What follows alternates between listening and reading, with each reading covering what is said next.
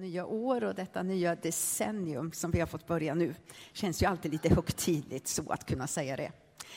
Tack så jättemycket för sången, så fantastisk. Och vilken eh, bra sammanfattning faktiskt av min predikan idag.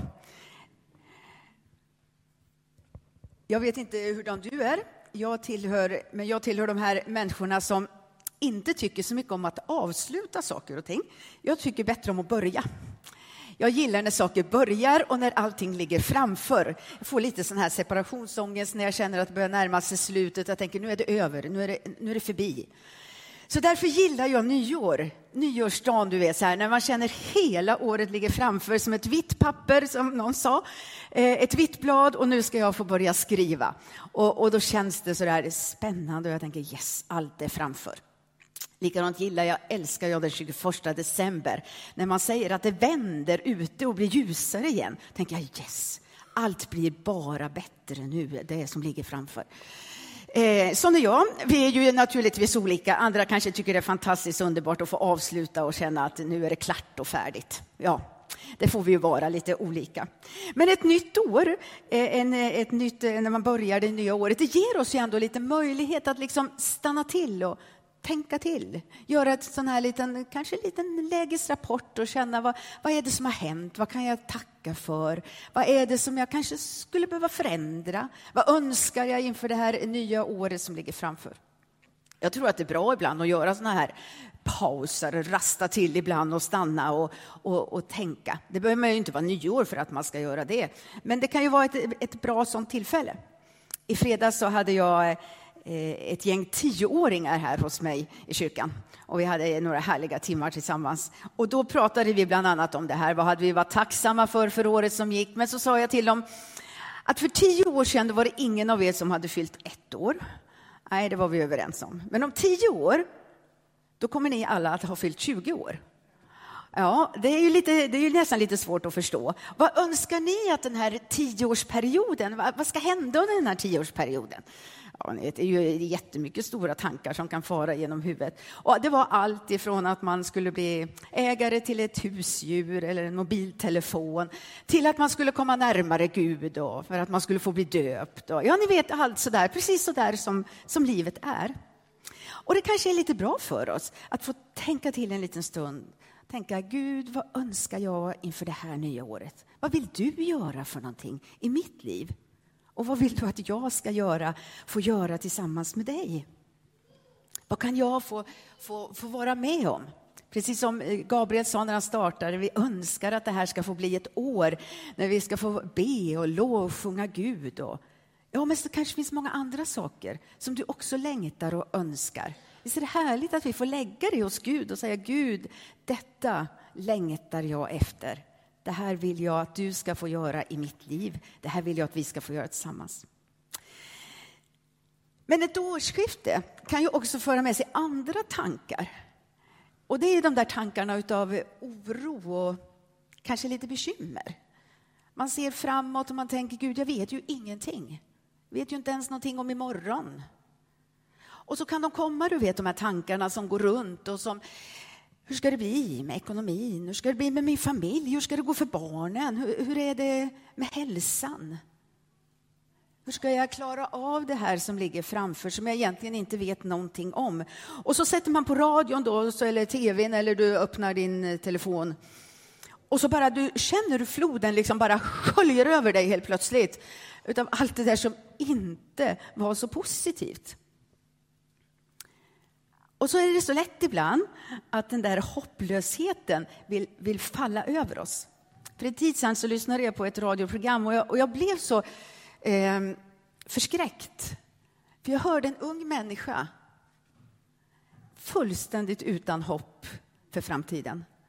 Som inte kunde förvänta sig någonting utav det som låg framför. Allt bara var helt hopplöst. Och så gjorde det så ont i mitt hjärta och så tänkte jag, Ja, men det är säkert så för många.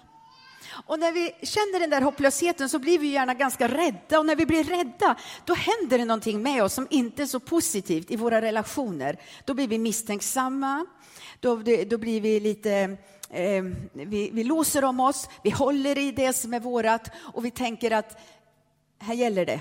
Här gäller det nu att jag håller i det som är mitt.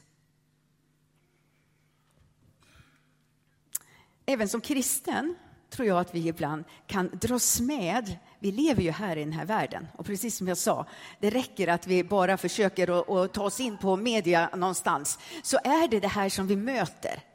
Klimatet, du vet, krigen, oroligheterna, terrorismen, våldet. Och så kanske vi ibland också känner av det här. Jag vet inte, men kanske att du också finns här som liksom jag ibland känner hur vi nästan det är som att det ville inta oss. Och hur ska vi göra? Hur ska vi göra? Hur ska vi kunna leva i den här världen? Hur ska vi kunna se framåt? Ja, ska vi borra ner huvudet i sanden och, och liksom försöka och mm, inte se det? Det är ju ett alternativ. Säga att allt är bra. Det kommer att gå, ska du se. Alternativet är ju att vi eh, kliver in i någon bubbla och tänker ja, Jesus kommer snart så det är ingen idé att jag gör någonting här nu. Nu sitter jag här och försöker att hålla mig i så att det, så att det går bra tills, eh, tills han kommer. Jag, jag har ju i alla fall vetskapen om det. Man kan resignera och man kan ge upp. Man kan eh, få panik och man kan få ångest. Men jag tror att det finns ett annat sätt att också hantera det här. Och det är det som jag skulle önska att vi fick prata om tillsammans idag, eller läsa om tillsammans idag. Och det är det hopp som Gud har gett till oss. Det levande hopp som vi sjöng om precis nyss och som vi kan läsa om i Guds ord. Och därför så skulle jag önska att vi tillsammans idag fick läsa om något som du säkert känner igen, som de flesta av er säkert har hört många gånger, men som vi ibland behöver påminna oss om att det faktiskt är på det här sättet. Att du och jag, när vi tror på Jesus Kristus, äger ett levande hopp som står över allt det som vi ser runt omkring oss.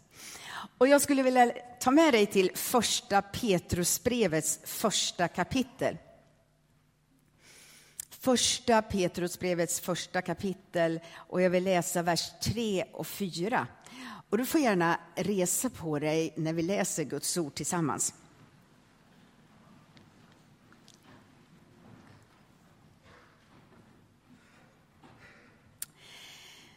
Så här skriver Petrus. Välsignad är vår Herre Jesu Kristi Gud och Fader. I sin stora barmhärtighet har han genom Jesu Kristi uppståndelse från de döda fött oss på nytt till ett levande hopp, till ett arv som aldrig kan förstöras, fläckas eller vissna och som är förvarat åt er i himlen.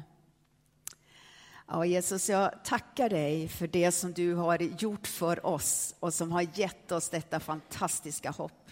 Det är du, Jesus, som har gjort det och vi får ta emot av bara nåd.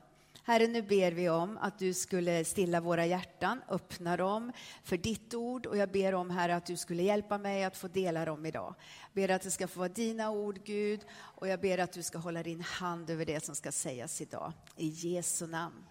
Amen. Varsågoda och sitt ner.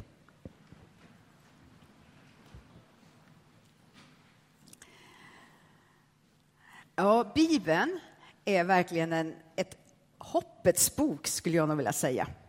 Det är inte så att den talar bara om guld och gröna skogar. Den säger inte att allt bara är bra och enkelt. Men den talar om någonting fantastiskt. Den talar nämligen om ett hopp som du och jag kan få ha i vår, eh, i vår gemenskap med Jesus Kristus. Det är verkligen berättelsen genom Bibeln är verkligen en ett hoppets berättelse. Även om den börjar ganska så snart med det som är mörker, nämligen när människan väljer att vända sig ifrån Gud. Men så finns den där, hela den fantastiska berättelsen om hur Gud älskar oss så oerhört mycket och därför gör allt för att vi ska få komma till honom och för att vi ska kunna leva så som han hade tänkt från allra första början. Det finns ju många saker man kan sätta sitt hopp till. Och Bibeln varnar oss faktiskt för att vi inte ska sätta vårt hopp till sånt som är är osäkert. Fast det är lätt att göra det i alla fall. Du vet, eh, pengarna, man tänker bara jag har tillräckligt med pengar nu på, på mitt konto eller satt någonstans så att jag vet att jag kan klara mig framöver. Det är lätt att sätta det kanske i vår status. Jag vet att eh, folk lyssnar på vad jag säger. De, eh, de, jag, jag har ett litet anseende i samhället kanske. Ibland sätter vi vårt hopp till samhället och tänker de får fixa det här. Det, det, det är samhällets sak att fixa så att vi faktiskt klarar oss här framöver nu. Och så är det så lätt ibland att vi tar med oss det här och så tänker vi att ja, men bara det där och det där och det där och det där funkar. Då, då kommer det att bli då, då, kommer det här att bli bra. Då kommer det att gå. Och så märker vi att det där är ganska skakigt. Puff, rätt som det var så, så var det inte så längre, så där som vi hade tänkt från början. Bibeln säger att utan Gud, då är vi människor utan hopp i den här världen. Men med Gud så finns det hopp för varje människa och för varje situation.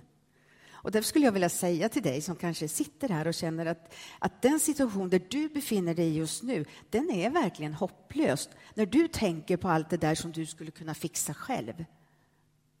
Men med Gud finns det hopp.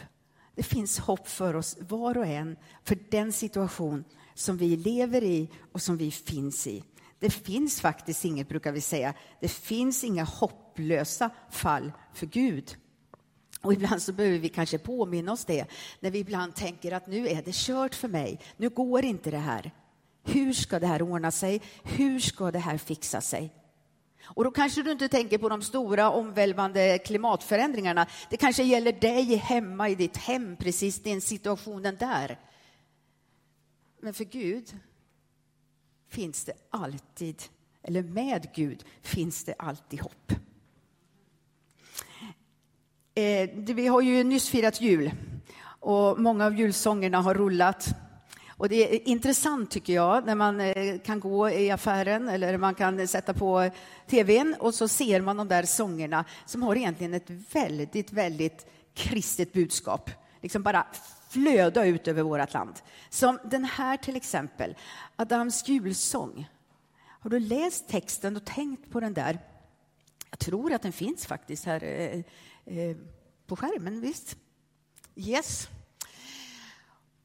O helga natt, o helga stund för världen. Och det är ju så pampigt, känner du liksom där den kommer. Då gudamänniskan till jorden steg ner för att försona världens brott och synder. För oss han dödens smärta led. Du har hela evangeliet här, eller hur? Mm. Och hoppets stråle går igenom världen och ljuset skimrar över land och hav. Jag älskar den när jag, när jag liksom kom på den där strofen. Och hoppets stråle går igenom världen. Varför då? Därför att Jesus Kristus har kommit till oss. Och därför att han har öppnat vägen hem till Far i himlen. Det här är hoppet. Jesus kom. Det handlar inte om ett positivt tänkande bara. Det är bra att tänka positiva tankar, det ska man göra. Men det, behöver, det handlar inte om att jag ska bara intala mig någonting, utan det handlar faktiskt om en verklighet. Jesus Kristus har kommit till vår jord. Han har tagit vår synd. Han har dött istället för dig och mig. Han har uppstått, han lever. Och Gud älskar oss. Och Gud vill verkligen vårt allra, allra bästa. Det här är evangelium, det är hopp. Och det är det här hoppet, det levande hoppet som du och jag har fått. Och känner du att du inte känner Jesus, jag har inte fått tag i det här, så är det för dig också. Det, det är för möjlighet att den här dagen få, få ta emot och, och uppleva att Jesus Kristus får bli Herre i ditt liv. Och du får del av det här hoppet på det sättet också. Du och jag seglar ju liksom inte ensamma här på livets hav. Vi, vi, vi, delar ju den här gemenskapen med många andra. Och därför är du och jag också del av den här stora fantastiska berättelsen som vi kan hitta i Bibeln, som vi läser där. Du och jag är liksom inte någon enda en, utan i Guds stora berättelse finns du och jag också med.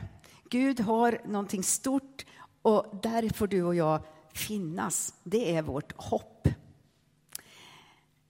I den här stora berättelsen så kan vi se att oavsett hur vår värld ser ut idag så har Gud verkligen kontrollen. Från början till sista boken så har Gud kontrollen. Och även om det ibland kan kännas som att han inte har det, även om vi ibland kan börja tänka liksom Gud, vad är det som händer? I mitt liv, kanske i vår familj, men också ute över världen. Gud, vad, vad, ska det bli nu? När Trump gör så där och Putin håller på så där, vad, vad, och jag då? Vad händer nu för mig? Ja, men Gud har kontrollen. Han har det i sin hand. Och det är han som har sista ordet. Och det kan vi få tro på. Det är vårt hopp. Och det betyder också att han har förberett en framtid för oss som vi inte ens kan drömma om. Sara, kom. Nu ska du få läsa för oss ifrån det åttonde kapitlet i Romarbrevet skulle kunna välja många olika såna här avsnitt där vi kan läsa. Men i Romarbrevet, där det Paulus talar om att inte bara vi som väntar på, på att någonting ska hända, att det ska bli en förändring, att någonting ska komma som ska bli bättre. Nej, hela skapelsen gör det, säger Paulus. Lyssna på de här verserna. Till 25. Mm. Jag anser att de lidanden vi får gå igenom här på jorden inte betyder någonting jämfört med den härlighet som Gud ändå ska ge oss. Ja, hela skapelsen väntar med spänning på att få se vilken härlighet Guds barn ska få. Allt skapat har ju kommit vid sidan av Guds plan, inte för de själva ville det, utan därför att Gud dömde skapelsen till att dö. Men han gav oss ett hopp om att skapelsen ändå ska befrias från sitt kretslopp av ständigt nedbrytande. Ja, en dag ska allt skapat få del av härliga frihet som Guds barn får njuta av. Vi vet att hela skapelsen ropar som en kvinna när hon ska föda barn. Och till och med vi som har fått Guds ande som en försmak av härligheten ropar i vårt inre. Vi väntar på att Gud för alltid ska, ska göra oss till sina barn och befria våra kroppar helt och hållet vi är räddade redan nu, men har samtidigt ett hopp om fullständig frihet. Om vi redan var fullständigt fria behövde vi ju inte se fram emot det.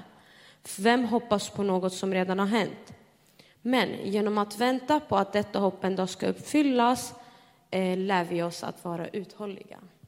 Yes, tack så mycket Sara. Du kan ta med okay. Tack, tack.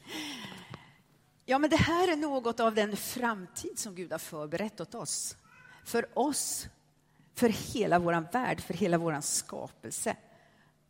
Och det här ingår också i det här hoppet som Gud har gett till oss och som du och jag får hålla fast vid. När vi går in i 2020 så, så får vi tänka att ja, det är sant det jag ser. Och jag vill vara med och göra allt vad jag kan för att saker och ting runt om mig ska bli bättre. Men jag vet att det finns en som har kontrollen. Och en dag ska allt förändras. Du kan också läsa i, i Andra Korinthierbrevet eh, 4 om hur våra kroppar också ska få förvandlas och förändras. Och det är hoppet vi har och som vi äger. Och det kan vi få ta med oss in i det här nya året. Och det kan få gå med oss oavsett vad som händer och vad som sker. Hur ska jag kunna hålla fast vid det här hoppet nu då? Ja, det finns ju någonting som någon som har sagt att redan nu och ännu inte. Redan nu har Jesus vunnit seger och den segern är för alltid och för allt. Men ännu inte har jag fått ta del av den helt och fullt. Jag lever fortfarande kvar i den här världen med allt vad det innebär. Med synden, med, eh, med allt vad synden också ställer till med i vår värld. Och ibland så kan det vara så här att, att det här hoppet, det, det, det är som att det, det det, det, hur ska jag säga, det begravs utav, utav eh, annat som lägger sig uppe på. Kanske ditt hopp har grusats. Det har hänt saker och ting som du inte kan förstå. Och så känner du att det här hoppet, mm, det liksom sjunker ner där på något sätt. Och ibland kanske de där rapporterna vi hör blir så övermäktiga så vi också börjar fundera på, men hur är det nu då? Är det, är det riktigt sant? Ska det verkligen hända? Hur ska det kunna gå till? Ja, vi, vi, är ju inte ensamma om vi känner den här eh, fruktan ibland och den där eh, frustrationen. Det kan vi läsa om i Bibeln också. Läs i Saltaren ska du få se att där finns de som precis som vi har känt och frågat Gud, var finns du? Var är du? Vad är det som händer? Men vet du, jag tror att vi kan få ha, vårt hopp klart för oss ju närmare Gud vi söker oss. Våra tema eller våra ord för förra året som vi också vill behålla det här året, det var ju närmare Gud närmare varandra och närmare våra medmänniskor. Och jag tror att när det brusar i livet omkring oss, då får vi söka oss närmare Gud. Och, och, och jag menar det inte som, jag vill inte att du ska ta det som en klyscha. Det fixar sig bara du gör så här. Nej, men jag tror verkligen att när vi, när vi tar ett steg närmare Gud så vill han också hjälpa oss att få se det här hoppet vi äger och har. Och jag tror att vi kan göra det genom att vi kan få eh, läsa hans ord. Så jag skulle vilja uppmuntra dig inför det här nya året att verkligen läsa Guds ord, att ta det till dig, att låta det kanske bli det första du lyssnar på på morgonen innan nyheterna. Att det kanske är det som är det sista innan du lägger dig och inte allt det där du vet som följde med in i våra hjärnor och i våra tankar och i våra upplevelser. Att låta gudsordet verkligen få bli, landa hos oss och bli, bli verklighet. Men att vi också får be Gud om att tala in i våra liv. Eh, så att tilliten till honom växer. För ju mer jag lär känna någon, ju mer litar jag på den, eller hur? För ju mer jag känner att jag, men jag vet att du gör så här, har du sagt det här till mig, då gör du det. Och ju mer vi umgås med Gud, ju mer tror jag också att vår tillit till honom växer och så vågar vi hålla kvar i det hopp som han har gett till oss. Jag, jag, har faktiskt skrivit ner några bibelord som, som handlar om hopp. Du kan ta dem om du vill. De ligger ute på receptionsdisken. Om du vill börja och läsa om hopp så kan man läsa om ett hopp om dagen där. Sen kan du googla eller göra, titta på någon sån här konkordans man har, bibelkonkordans eller något bibeluppslagsverk du har. Det finns mycket i Bibeln som står om hopp och så mata dig och fyll dig med det. Tala med Gud om oron du känner.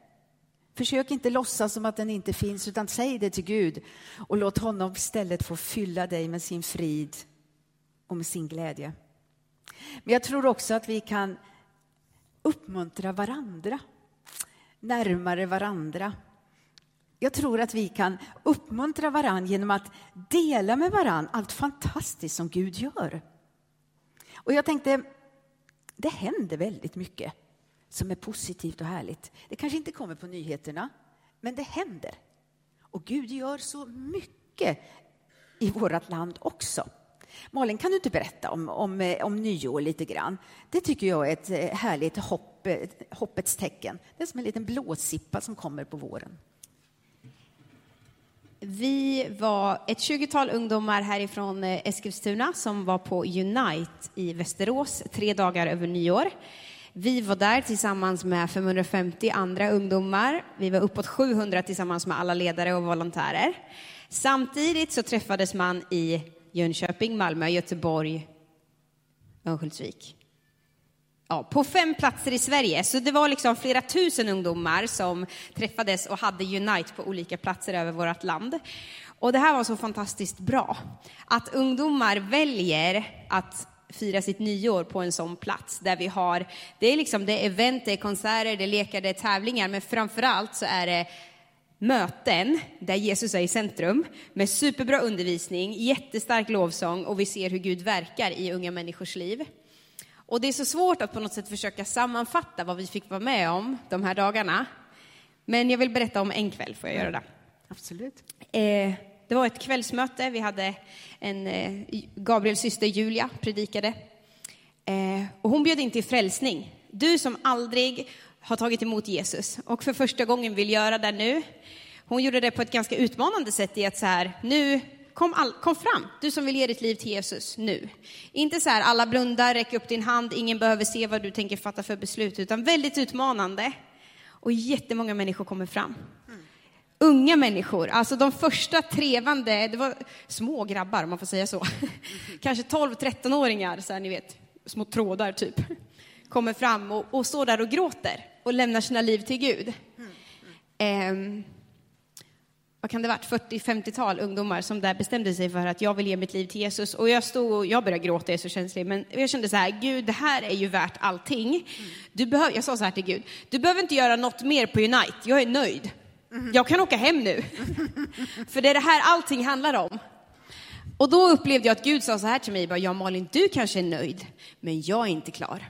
Mm. Eh, Sen så fortsätter den här kvällen med ytterligare en inbjudan till att du som behöver uppleva befrielse i ditt liv, nu kan du få komma fram.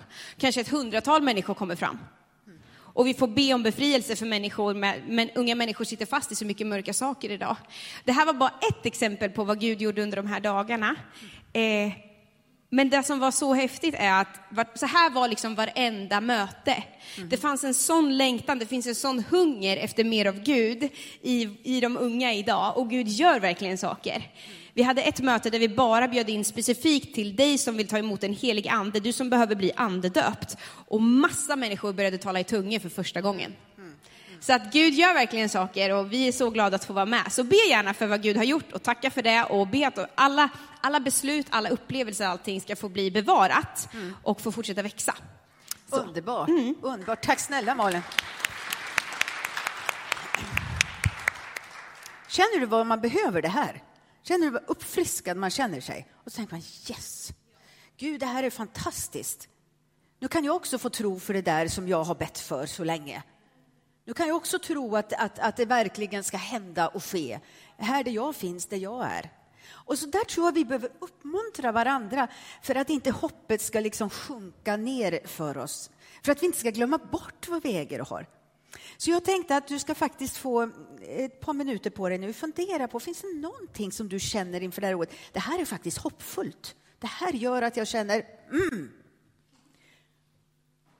kan du inte vända dig den som sitter bredvid om du törs det? Du känner dig fri, du måste inte. Men, men om du, du kan det, så vänd dig till den som sitter bredvid och så säg det här, det här gör mig faktiskt hoppfull. Det här har jag varit med om, eller det här hörde jag, eller det här bibelordet tänkte jag på. Och det gjorde att jag kände mig hoppfull. Ni får ett par minuter på er nu. Ni får prata med varandra. Jag kommer inte att kolla vad ni har pratat om, så pratar ni om något annat så är det också okej. Okay.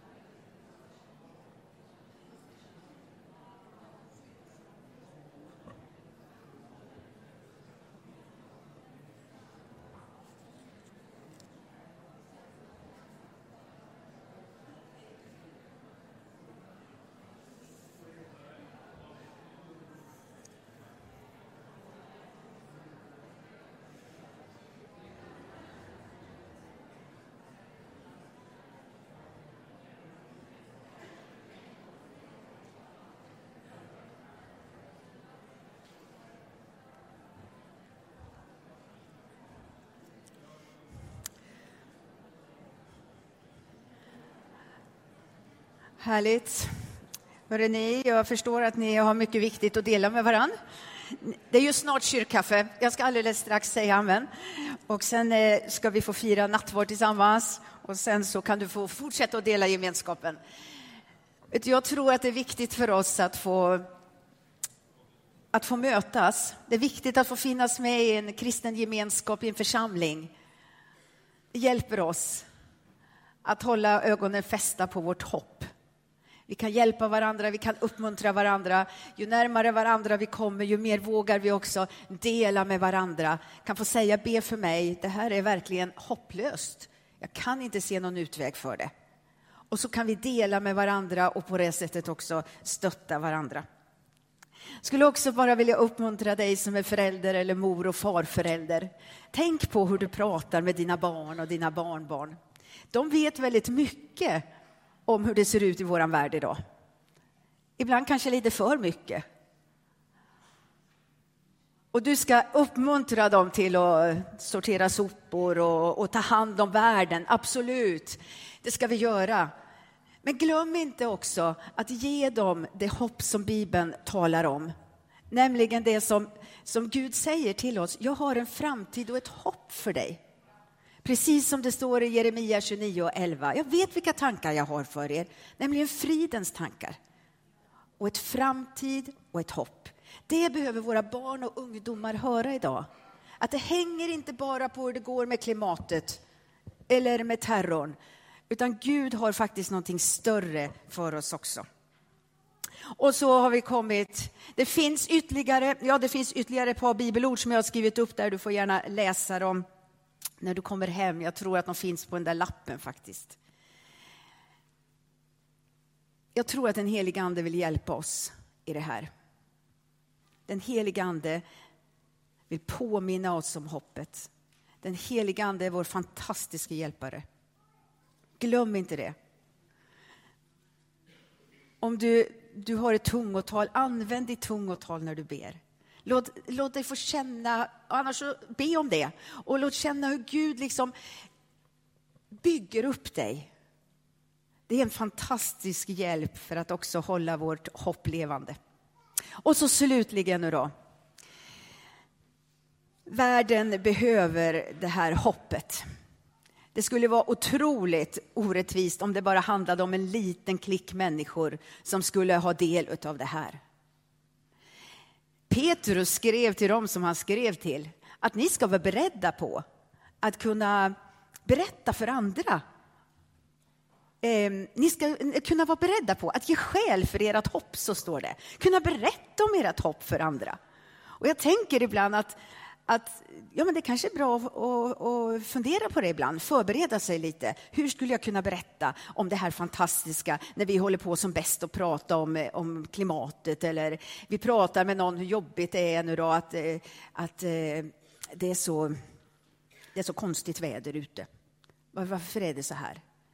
Ja, men kan jag tänka att jag kan förbereda mig lite grann. Jag vet inte om det är fler än jag som kan känna frustration ibland över att det faktiskt är så att vi har någonting så fantastiskt och så har jag så svårt ibland för att dela det med de som finns närmast mig. Om du inte har känt det någon gång, så grattis. Då, då ska du vara jättetacksam. Men, men jag känner det där ibland, så tänker jag, men här går ju jag, vet det här och, och andra kanske inte ens vet om det. Jag skulle verkligen önska inför det här nya året och be om att Gud, hjälp mig. Hjälp oss som församling att vi kan få vara med och dela dig som är världens hopp med Eskilstuna. För jag tror att är det någonting som vår stad behöver så är det ett hopp. Och det är Jesus. Och du och jag har fått det här. Vi har fått veta det, vi har fått ta del av det, vi har fått pröva det. Och då är det väl inte mer än rätt att vi faktiskt också delar det med andra. Att vi inte bara stänger in oss och tänker att oh, det är härligt, tänk jag vet, snart så är det himmel som väntar för mig och det är fantastiskt.